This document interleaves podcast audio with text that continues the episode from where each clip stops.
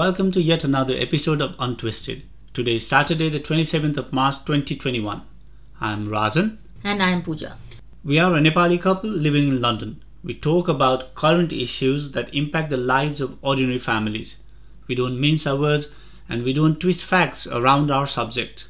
Hence, our talks are untwisted, straightforward, and to the point. Today, we are talking about football. Football is followed as a religion throughout the world. Everyone knows a thing or two about the most popular game in the planet. And if you have growing up children, and especially boys, you cannot just avoid football. Not in Nepal, and most definitely not in England. Nothing has a bigger following than football in this country. It is at homes, at schools, in parks and playgrounds, pubs, and even at workplace, everywhere. The big game trumps over everything. It is the favorite pastime of this nation. And if you have children at your home, I bet they have their football kit. One favorite team they support and lifelong loyalty towards it. You can dump your parents, your girlfriends, but your team never changes. On match days, even if you are crazy enough to dislike football, your sons and husbands are glued to the TV screens for hours. Despite COVID, English football season is on full swing. The Premier League, possibly the greatest football league in the world, is closing towards the end. And the great football festival, the FIFA World Cup 2022, is in the horizon. This week, the qualifying matches have begun in Europe, and England has won its first match on Thursday. Today, in Untwisted, we have two special guests a Liverpool supporter Miles and a Tottenham Hotspurs supporter Hamza. Now over to Rajan, a Chelsea fan taking on Miles and Hamza for Untwisted. Yes, it's time for football talk.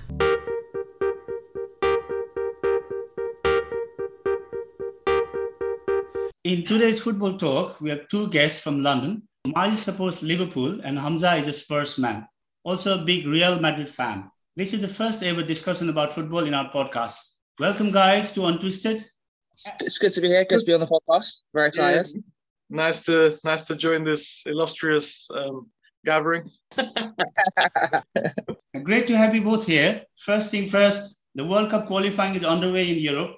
Excited for next year? Should be interesting. I mean, I think one of the biggest things is like having a Winter World Cup. I think that'll be that'll be quite interesting, especially like having to like pause the Premier League season and like all the other major seasons, like for the players to go to the World Cup and like what that kind of does to a lot of players and stuff.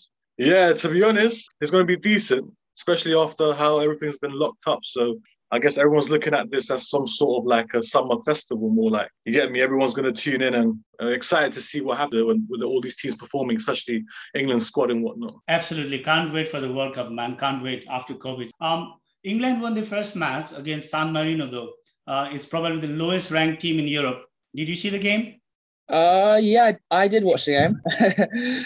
obviously, all due respect to San Marino, obviously they've got a population of thirty thousand, which is like smaller than most London boroughs. It's not really like in comparison. It's like kind of hard to like get like a, good judge. I think uh, there's only like two, I think, actually the professional players in their squad compared to obviously England mm-hmm. players who make like hundreds of thousands a week. So yeah. I don't think you can really judge like the true quality of the England team based on that game, to be honest.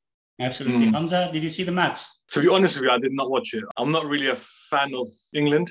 Um, grew up watching Brazil and France mainly, and um, wow. yeah, I've, be, I've got to be honest, and I'm tired of England, seeing England play the likes of San Marino and Polish builders.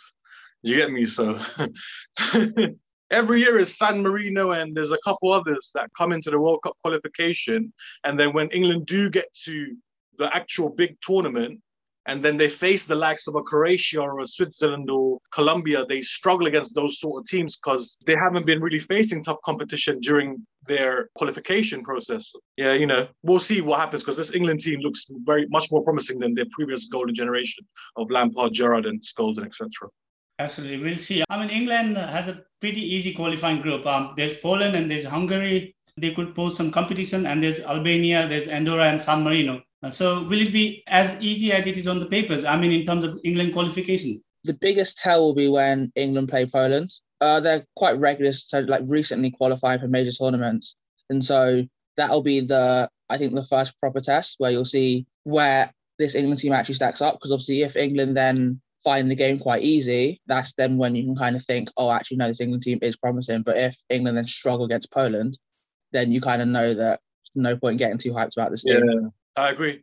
I agree with Miles as well. I was a bit disappointed with Hamza's stance on English football. I'm a very proud Three Lion supporter. Um, how do you rate England's task next year? Will football come home this time? Uh, next year, um, I don't know because when you look at it, you got to look at the other teams that are also competing. So England do have their golden generation, and I'm not being disrespectful to England because, like I said, this is a more promising team than the Lampard, Gerrard, and the Beckham, and you know that Scholes when they had that golden opportunity. I think this is more of a team because there's not much of a rivalry going on amongst the Premier League teams. And but when you compare that with the golden generation of France, Belgium, Germany, with the players they're bringing through the rank, I, I, I don't know. It's, it's tough to say. But you know, being in England, you feel the the how positive they are, and yeah, they're going to give. They made a good run last time. I think they can do a better run this time. I feel well. The biggest tell I think this summer um, to see exactly what happens at the Euros because um, I think that there will be a couple players that uh, it's, it's only next up uh, next winter, so we should still have the same squad. But realistically, I feel like this will be like the biggest tell when you go into the Euros. Obviously, we've got a quite an easy group. Uh, I would say like the biggest tell, the biggest challenge really is Scotland, mm-hmm. purely because of rivalry than anything else. But yeah, I feel that if England get far in this Euros, especially like potentially coming across like bigger teams like later on in the tournament. And if England do well with that, then yeah, you can get quite excited about the World Cup. Yeah. Um, but yeah, I think that'll be that'll be the biggest test this summer. You know, see exactly where it goes, and also if Southgate's actually good enough to like, because obviously there's a lot of talent and a lot of good players in the squad, but whether you can get the best out of the players mm-hmm. like this summer. So there's a lot of time uh, to go. But judging by the present situation of world football, who do you think will be the favorites? Next summer, uh, uh, as in for the World Cup, um, for the World Cup, well, basically you, you always got to kind of boil it down to the teams that like the nations that always like pump pump out the big players all the time. You know, realistically, you can never really look past like Brazil, Spain, Germany, France. You know, Hamza, um, you said that when you are not a great fan of England, uh, just to find out what you think, um, who would you like to win the World Cup? Who would I like? I mean, if um, who I would personally like, I would like um, Ronaldo to win it with Portugal because I'm a big, massive Ronaldo fan. Mm-hmm. So I'll be biased there if I said that. But if I was being a neutral, and if you ask me from that standpoint, I'd probably say France have the best opportunity to retain that trophy. But history will show you that, that whenever a team that wins the World Cup or wins the major international tournament, the following season they usually get kicked out in the group stages, which has happened previously with the likes of Germany, Italy, and you know Brazil and so on. So, uh, will France change that, change their destiny, or will they actually be the first team to do a back to like break that little you know hoodoo of getting knocked out? we have the qualifier just getting started. We got Belgium v Czech Republic, uh, Norway v Turkey, and then there's Holland, Croatia, and Ireland also playing today. Are you guys watching? I think, I think the Holland Croatia game, I think, is the game I probably I'll probably pay attention to because I feel like that game could go either way. Holland lost uh, the other day, lost 4 2, I think. I feel like after missing out on the last World Cup, they really can't miss out on another one. So I kind of look and see what like they can do because they've had like a revival in terms of like players coming into their squad, like quite a few youngsters like De, uh, De Jong and De Ligt, you know, players like that. Um, obviously Croatia, everyone knows what happened with them at the last World Cup. And I feel like this will probably be the last time that that group of players will be uh, be able to play together because they've got you know players like Rakitic and Modric, uh, kind of getting towards like the end of their career and stuff. Mm-hmm. Modric is um, Hamza's man, isn't it? Yeah, come on. are, you, are you going to watch the match today? Um, the Holland Croatia or any other? I mean, any other. Yeah, the compared to the first match day, which on Tuesday, Wednesday, the, the games are much more better this weekend. Um, it's, it's kind of spiced up, especially how Miles just um, spoke about Holland getting smashed, literally because really and true, they were 3 0 down and they managed to score two goals when Davy Klaassen came on. So, but didn't really work out because they ended up conceding another and Depay ended up missing a penalty, which could have made it 3 3 at that point. But um, yeah, I mean, there's going to be Portugal, Serbia, and I like Serbia. They look like a very strong team. And I like Portugal's superstar team. They got stars everywhere out, out of the blue. You know, they managed to get the likes of João Felix and Bernardo Silva, Bruno Fernandes, you know, Ruben Dias, Guedes, and all these sort of players. So it'll be interesting to see that game. But Holland Croatia will be the game of the night, I personally think. Mm-hmm. Miles, how do you rate Portugal? Um, yeah, I think obviously this squad is probably, ironically, actually probably a lot better than actually the squad that they won the Euros with. Actually, you know, players like yes, like that Hamza was saying, you know, players like Bruno Fernandes and João Felix and Bernardo Silva, who are just all just like outright superstars in their own right, and that's not even adding them Ronaldo, who's obviously been there, kind of done it all, um, mm. you know, into the mix as well. And now you finally think they actually got uh, like a decent defense as well and a, and a goalkeeper. And then plus you you can't forget that like the entire Wolves squad seem to be Portuguese as well. So there's players well. Players like like Neto, who's also had a really good season. Jota at Liverpool, um, injured for a bit, but he's he's he's played well when he's been playing. So like Portugal have a good squad now. Yeah. And the, the, the right backs as well, like João Cancelo, Ricardo Pereira, Nelson Semedo, the fullbacks Guerreiro, Mario Rui. They're just stacked. They're a stacked team. Just let's see what happens. Yeah, Hamza is more excited about Portugal than England, it seems. Um, 100%, 100%. Never hides that one. Absolutely. Um, every time there's a World Cup, there's new superstars coming out. Um, you know, talking about breakout superstars. Uh, who do you think will sign in the upcoming World Cups? Like, uh, you know, Erling Haaland is playing today, I guess, but we don't even know if Norway will qualify. So let's call Ooh. some names like English players and others. Who is your next World Cup superstars? Well, in terms of like English players, if you want to start there, um, kind of players you probably look out for for like the World Cup will probably obviously players like Foden. Foden's obviously done like done really well getting to the City team, playing really well and stuff. And then like a year and a half later, he should like, you know, you're hoping that like if he carries on where he's going, he should be like kind of like one of the biggest players in the Premier League. Um, still got obviously players like players like obviously Jude Bellingham, uh, mm. pulled up into the like England senior team, completely like skips out under 21s and stuff. Only 17, obviously he's starter for Dortmund now. Um, so and he's and he's still like really young as well. Obviously Sancho who's there as well. So obviously quite a few players.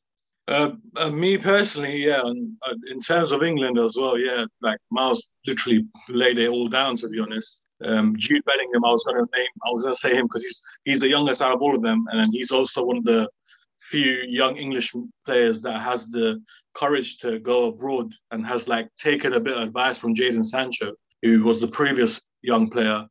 I mean, saying Sancho, I think Sancho just turned 21 yesterday or 22 yesterday, so he's still a kid himself. But um, yeah, it's, it's, going to be it's going to be very interesting, especially with this England young setup and how how often will Southgate go towards the young players because we England have had a history of like taking a 16 or 17 year old Theo Walcott to the World Cup, and then the Oxlade-Chamberlains and all those type players in the past. So yeah, it'll be interesting to see, mainly because they got a very tough like young English superstars on the rise. How about foreign players, like new emerging foreign players? Uh, Miles? Well, it's kind of hard to say, to be honest. Obviously, you look at like obviously uh, teams like Norway.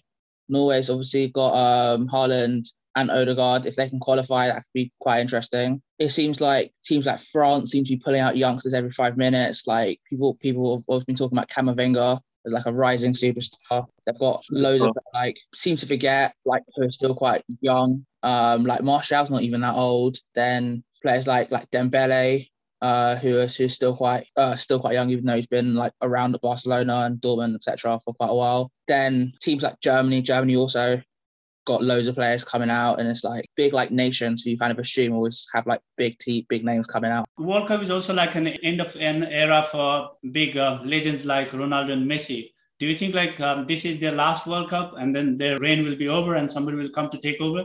Definitely. In terms of Ronaldo, I think this is his last World Cup. He kind of like hinted towards it because he's 37 now, and by the next World Cup he will be like 38. So, I mean, he's hinted that he can probably like ride the talent of the team that they have now and use his experience and play that striker's role and try adapt off that. But in terms of Messi, I think he has another World Cup after this because he's obviously three years younger than Ronaldo uh, I feel like the player that has already kind of like taken the shine away from them has already arrived and he arrived a couple of years ago. You know, the name of Kylian Mbappe, like we can't ignore that. You, know, you get what I'm trying to say? Like, so I feel like he already came at the age of 18, 19, he won the World Cup. And it's not like he just came into the World Cup and he did it like monumental things, but he came in prior to that in the Champions League with a different team in Monaco and they managed to cause a lot of havoc. And yeah, Mbappe is the guy who's kind of taken that shine away already, and you're starting to notice it, and you're starting to already see that they're trying to pick out the Ronaldo Messi sort of rivalry for this next generation, and they're picking the Mbappe and Haaland. So they already pinned them against each other, and now it's just let's see what happens. Let's see if they can live up to the standards that Messi and Ronaldo set. Quick answer though: uh, Ronaldo or Messi, who is greater? I'm going to say Ronaldo all the time. Um, I have my reasons, but we're going to be here all day, so I'd say Ronaldo, and that's that. But yeah, Miles, who is who is greater, Ronaldo or Messi in your eyes? Um, purely because I've seen him like do it, and like obviously he's done it at multiple teams, like three different leagues now. So and also like he's won like major tournaments, so I probably have to go, go for Ronaldo as well, to be honest. Wow. All right. Um, okay. Now let's talk about English Premier League. You know, I followed football from early 90s. I'm a Chelsea fan from the very beginning. But when I came to England, I was shocked by the level of craze in English football. Um, I felt like everyone was so passionate, like everybody knew everything. I mean, even in the streets, like the cats and dogs would know football. That's how I felt, you know. Um, why is it that football is so popular here, Miles? Um, I don't know. I just feel like football's like one of the one of the things that like I, I, I imagine you like you would experience it like during like the last World Cup when England got to the semi final, how like the whole like country like got together behind it. It's like I feel like football's one of the few things where if you don't know someone, it's like, oh, you probably know they probably know about football. It's like the easiest way of like bonding with someone. I feel like is just over football. Mm, yeah, um, I feel like the just the culture and how it's like been pinned around like the whole the British like and the English culture that is uh, just football brings a lot of people together, and a lot of people seek like a lot of like peace and unity through football. And like it's, it's also a cause of major distraction. So just that being said, like I feel like it's a very big big attraction. So yeah. Okay. One another question, Miles. You know, you support Liverpool and you're a London boy. Why Liverpool? Because of my my dad and my family. To be honest, like growing up, uh, my dad, uh, dad, my dad was always a Liverpool fan, so it was like always on TV and stuff. Like team I was watched growing up, and so that was like who I supported. To be honest, you know, I've been to Anfield. Um, actually, I've not been in a long time. Actually, The last game I went to was actually the season we finished second in the title, like when um Suarez and Sturridge and Sterling were there. Uh, okay. like 2013. But yeah, that was yeah. So I've been yeah. So yeah, I've been. But uh, obviously, unfortunately, it's other side of the country, so it's quite hard to go to. Mm-hmm. Mm. Yeah, there's so many uh, London teams in here Chelsea, Arsenal. Why support Tottenham? Well, mainly started because I actually started supporting Real Madrid first. And going to school, you kind of realize that they only kind of watch the Premier League teams. So I would be sitting there in like year seven or like year six, year five, and they're all talking about United, Chelsea, Arsenal, and all the you know the so-called Liverpool's and everything. And I'd be like, oh, like I can't really make a conversation with these people because I support a Spanish team, and they're gonna be like, you're a glory hunt hunter. So um, I heard it all, by the way. so yeah, I was like, you know what? I don't want to be classed as some sort of glory hunter. So I thought I'd go for a team that's kind of like around the mid-table and they have some sort of potential. So at that time, there was three teams I used to like, and that was Tottenham, Aston Villa, and Manchester City. And yeah, as time went on, Man City got bought by like billionaires, which kind of put me off. And Aston Villa got relegated, and then it was just Tottenham left there. So then I started supporting Tottenham very, very properly from like 2008, 2009 onwards. What a brilliant reason. all right, okay. Um, let's talk about this season. You know, it feels like the title race is all but over. Man City running away. Miles, what went wrong for Liverpool? Um, oh, where to start? I think big thing obviously was um massive amount of injuries. I would say that's probably the easiest thing because there was a period where our two best midfielders ended up playing centre back because we had no centre backs left. And when that happens, it kind of like one of the big things that I think a lot of people didn't really notice was that you when when you because obviously people lost trust in when you've got like Gomez and Van Dijk in defense, you know, the midfielders and attackers feel happy to press and not track back because they feel like oh we've got like a great great like centre partnerships like do things with. But then obviously when you watch them, half the reasons why we lost a lot of games one 0 was because our forward players weren't making like the same kind. Of, I I feel like they weren't making the same kind of runs. They weren't like kind of taking the same chances they would have, knowing that uh, knowing that like because obviously our defense wasn't what it's meant to be, and then obviously it was like loads of injuries, and then I feel like the whole team's head just dropped, and it just got worse and worse and worse. Hamza, what's your thought about Liverpool this year? Yeah, just the fact that they've lost their, their best player. Because like you could say like, oh, Salah's their best player, Mane is their best player, and then like you have periods in the season where you say, oh, Firmino's the best player because he'll have like one amazing game and whatnot. But you actually have that one best player in their team that, and you know that person is, and that's Van Dijk. Like since he came into that team, he made them from like second place or like outside the top 14 to a team that can go to Champions League finals, Champions League winners, finishing second in the league to winning the league. And that's just what impact a world class defender does to a team. And having him not being there, like, it's clearly made an effect. And then they've had to like fill that gap with the likes of like a Fabinho, who is has played centre back and right back for his teams at Monaco and his on loan period at Real Madrid, where he played right back and centre back there as well. Uh, but it's not the same thing. You get what I'm trying to say? Like you're not gonna, you can't really fulfill that hole when you lost a world class sort of player. And being a Real Madrid fan this season, I've realized that because we've had 49 injuries ourselves, so I can relate to Liverpool's situation. Um, it's a Liverpool situation where they've struggled, and it's it's evident that there's been an injury that played a massive, massive um, role in on this season. Right. There's some whispers about you know Klopp going away or Gerrard coming in to replace him. Miles, should Klopp go? I would say especially like if you look at where the club was when when Klopp look Klopp took over. Like there's there's I remember there's this there's this uh, Sky Sports graphic that, that they love to pop up, and it was like one of Klopp's like first weeks, I think. Um, and our striking options at the time were uh, Benteke, Ricky Lambert, and Fabio Borini, who neither of them had scored a goal. And it's just like the team just looked so dire at the time. Um, our defense was an absolute shambles. You know, we had kind of no direction. I feel like Brendan Rodgers kind of signed a bit here, a bit there. After he lost like um, Suarez, the the team kind of like felt like it had no identity.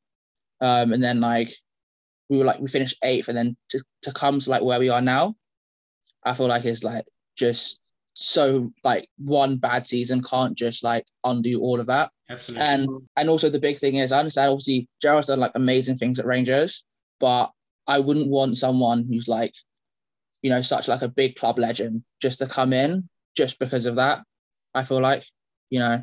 To be honest, um, like I, I feel like that noise is only there because well, yeah, if Klopp if Klopp would still be having the time he's having right now, which he like he's been struggling this season, fair enough we've kind of pinpointed why that's the reason. But at the same time, it's like if Gerrard, who's a the biggest Liverpool legend, if he wasn't having the season that he's having as a manager, would they actually be bringing this up? So it's all from the media, like it's, it's that nostalgia as well that you want a Liverpool legend, the greatest ever to do it for them in their eyes, coming back to his beloved club. And it's like a Twilight sort of love story. They want that perfect meeting. But if he wasn't doing great, they would not have brought it up. And and that, that's that's the that's the only case. Like you got to give Klopp another chance, especially what he's done in his first three to four years at Liverpool. I absolutely agree. Okay, Tottenham gentlemen, you've got Son and Kane, and then they got Bale. I thought you guys would do better than this. um, so did I. I thought this was a season, but um, very earlier on, I kind of knew that when we were not signing like a very good, good centre back, an elite level centre back. I kind of knew, even when we were at top of the table for like a short period of time, I I knew that we'd be lucky to even get a top four. I never got really carried away with the fact that oh Tottenham's going to win this or Tottenham's going to win that, because every Tottenham fan knows by now that you cannot really count on Tottenham in these sort of situations. So until we sign a centre back, um, any topic about Tottenham winning trophies is um, non-existent to me because to be a good team, you need a world class centre back. And like Liverpool have shown that by signing an elite level centre back like Van Dijk and what that can do to a team. And if clearly Levy didn't want to buy a centre back, I, I, was just shocked because Ruben Dias was available on the market for around 50, 60 million. And we were busy chasing uh, Milan Skriniar's shadow in Inter Milan. So I, I don't know. Um, maybe next year if they can manage to somehow hold on to Kane and Son, and get a elite level centre back, then they can start thinking about um, moving forward. But right now, they're not going nowhere. Jose Mourinho, he did brilliant at Chelsea. He was so good in Italy and also won few things for Real. He seems to have lost his charm at Spurs, right? Yeah, here and there, yes. Would you like him to go now? I wouldn't like him to go because if we if we if we have to get rid of him, it will be we have to give a payout of 20 million. That isn't the only reason. Like you can't start a, a rebuild or a structure and then halfway through you're like, okay, let's end it. Personally, for me, I feel like they need to give him the the money to bring out not like just a, a player like Gareth Bale that's riding on what he's done in the past and maybe bring the likes of a Dybala that can, who's a player that's in the now, not the past, and then give him the money to buy a centre back instead of playing hardball with other European clubs and trying to fish out five million discounts and 10 million discounts. You can't just shut the process down and just move on. Even Chelsea gave Lampard a chance within a whole season and then they stuck by him till the January and then they decided to let him go. But you cannot just like after like eight months decide to like get rid of a manager? Um, uh, yeah, I just feel like obviously there's a, a lot of people want to like blame Mourinho and stuff, but the thing is, is that if you look at his record, he he's won wherever he's been before. Um, I think he's yeah, he's I think he's still United's most successful manager since Ferguson, even though everyone likes to point pictures about how bad you know he was at United. And yeah, I think there are much bigger issues that if you got rid of Mourinho, still still would need to be fixed. You know, um, mm. I don't rate Lloris as a keeper. I never did. I started to realise that. Um, centre backs, like obviously, are a massive issue. I feel like there are some like good, like there are massive bonuses in that team. Like Ndombele looks like a uh, looks like a quality player. And then if you guys can keep hold of like Son and Kane, and then potentially bring in another like like world class winger as well, then like the squad squad could be really good. But again, it's a process. And getting rid of Mourinho would mean that another manager would have to come in and start that process all over again. True, true. At Chelsea, we have a new manager, Tuchel. Um, he has had a brilliant start at Chelsea. I'm beginning to think it's Chelsea's year in 2022. What do you think? I don't know. to be fair, I, I, I, do feel like that Chelsea squad is very good. Um, obviously spent like 200 million in the summer bringing in like Kai Havertz and uh, Timo Werner and players like that. And if Tuchel can like bring the best out of these players, then yeah, 100%. um. Chelsea can actually like uh, definitely like challenge, if not win, like Premier League next season. Um, but obviously Tuchel's only been in for a little bit of time now, and I feel like a lot of teams when like they get a new manager, they start playing really well. But it'd be interesting to see. Hamza. Uh, to be honest, obviously I'm gonna try and not be like you know upset you, but I feel like I feel like um, he's doing a better job than Lampard did when Lampard came. He's started off like at a much more consistent pace, and maybe that's because the players that were bought when Lampard were there were like still fresh, whereas where he's come in, he's still had they've got a bit of a chemistry now, so he's come into that. But I mean, Chelsea fans, like my cousin, he's a Chelsea fan, and they'll tell you themselves that we can't get carried away because when Lampard, every like Miles said, every team has a honeymoon period, mm-hmm. and it can go left after that if not if they do not you know follow through. But uh, yeah, um, he's doing a good job right now. Um, the things are looking bright for Chelsea as well in terms of the draw, like the luck of the draw in terms of Champions League. If we can get them into like a semi-final or a final sort of situation, add that sort of belief into the players that look, I've got you this far in my first six months and they will start believing him, then they can build on that and probably like cause more problems. But yeah, the players like Havertz and Werner, personally for me, I think there are better players out there. I'm recently starting to see the likes of Erling Haaland and Rom- Romelu Lukaku being linked to Chelsea. And I simply see it as if Havertz and Werner were, were the future of Chelsea and they were they were fully ongoing like so that keeping them then I don't think they would be interested in signing the likes of Lukaku or Erling Haaland. So list your top four for this year, the top four teams. Um, I feel like it's going to be obviously City are going to win the title of the season. I feel like that's that's pretty much shown up now. Then I'm going to go with United. I'm going to go Chelsea and Liverpool are going to get in, get in at the end, for like resurgence of the season. Uh, I feel because of the way things. Well, firstly, City and United are definitely the, cemented their positions. I don't see anyone catching them um, because City obviously they've got on a crazy run of form, and even if they start losing games now, they got the experience and know-how to like somehow make it to the finish line. That's if they manage to like fumble what they have, the lead that they have, and United just know how to do it on the day. Like they know how to get the job done when it matters. So, in that sense, the third and fourth, because of how the year has been and all these shocks that we're seeing, I would I would say, you know, like you know, I, I can see West Ham just going into there. Like I don't see, I don't see someone like kind of challenging that West Ham team. I'm looking at the fixtures and they've got a very easy ride. West Ham, they've got a couple easy fixtures coming up. They're beating all the big teams when they have to, and they're doing they're doing good. And in terms of like what that's fourth. But in terms of like third place or whatever, it's really just a scrap between Chelsea, Liverpool, and Tottenham. Because Tottenham somehow have still managed to be just a point outside the top four, and we're I think we're a point ahead of Liverpool. So yeah, in that sense, it's going, it's going to be very, very like interesting because Tottenham's got easy fixture coming up as well. But then the likes of Son and Kane getting injured, that can have a massive, massive effect as well because Tottenham are very heavily reliant on Kane, especially. Yeah, I'll just, I'll just tell you my top four. It'll be Man City, Man United, Chelsea, and Liverpool. Let's see what, what happens.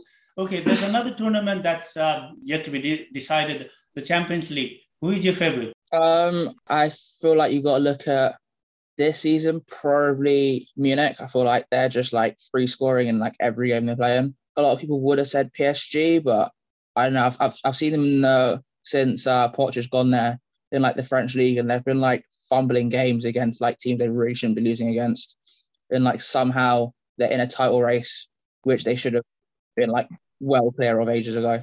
I mean, I would have been 100% on Munich if you asked me this like three months ago. I would have said 100% Munich, but like now it's like 80%, mainly because of the fact that Munich's also been struggling in the league. That usually when they're walking through their league, they're now like just like a couple points ahead. I, I wouldn't be surprised like I'm just saying, don't be surprised if they do not make it to the finals. And City looking very good, but then we know City in the Champions League when it comes down to that moment, they struggle. Depending, no matter who it is, it can be a English team, it can be Lyon, it can be Monaco. They struggle in, in that very moment. So it's the Champions League to me this season is very open because the likes of Chelsea who've been struggling in the league have also made it to the quarters and you know they're on potentially it to the semi-final if they go past Porto and Porto beat Juventus. So you know, who would have thought? And Liverpool also, they've somehow, with the injury prone season that they've had, with the missing out on their best players, they've made it to the quarters as well. So, yeah, it's going to be very interesting. Obviously, me being a Real Madrid fan, I'd say Real Madrid because of our love with this competition and our history with it. But there will be a couple surprises. I don't think it's over. I don't think it's certain to just say Bayern Munich. But if there is a favorite, then you probably have to say Bayern Munich, mainly of what they've done last year. Yeah, football is full of surprises, isn't it? I mean, I wouldn't be surprised if Chelsea wins. Mm. I guess we covered almost everything. Very good to have you both, and hopefully we'll have more football talk later. Thank you both. Thank you for your time. Thank you. No, thank you. anytime.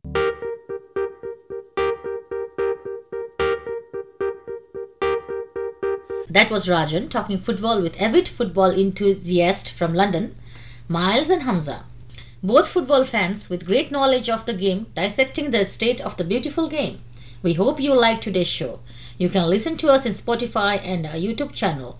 Please do follow on State and let us know in comments if you would like us to discuss any specific issues. Thank you for listening and I hope you can tune us in next week. Bye bye and take care.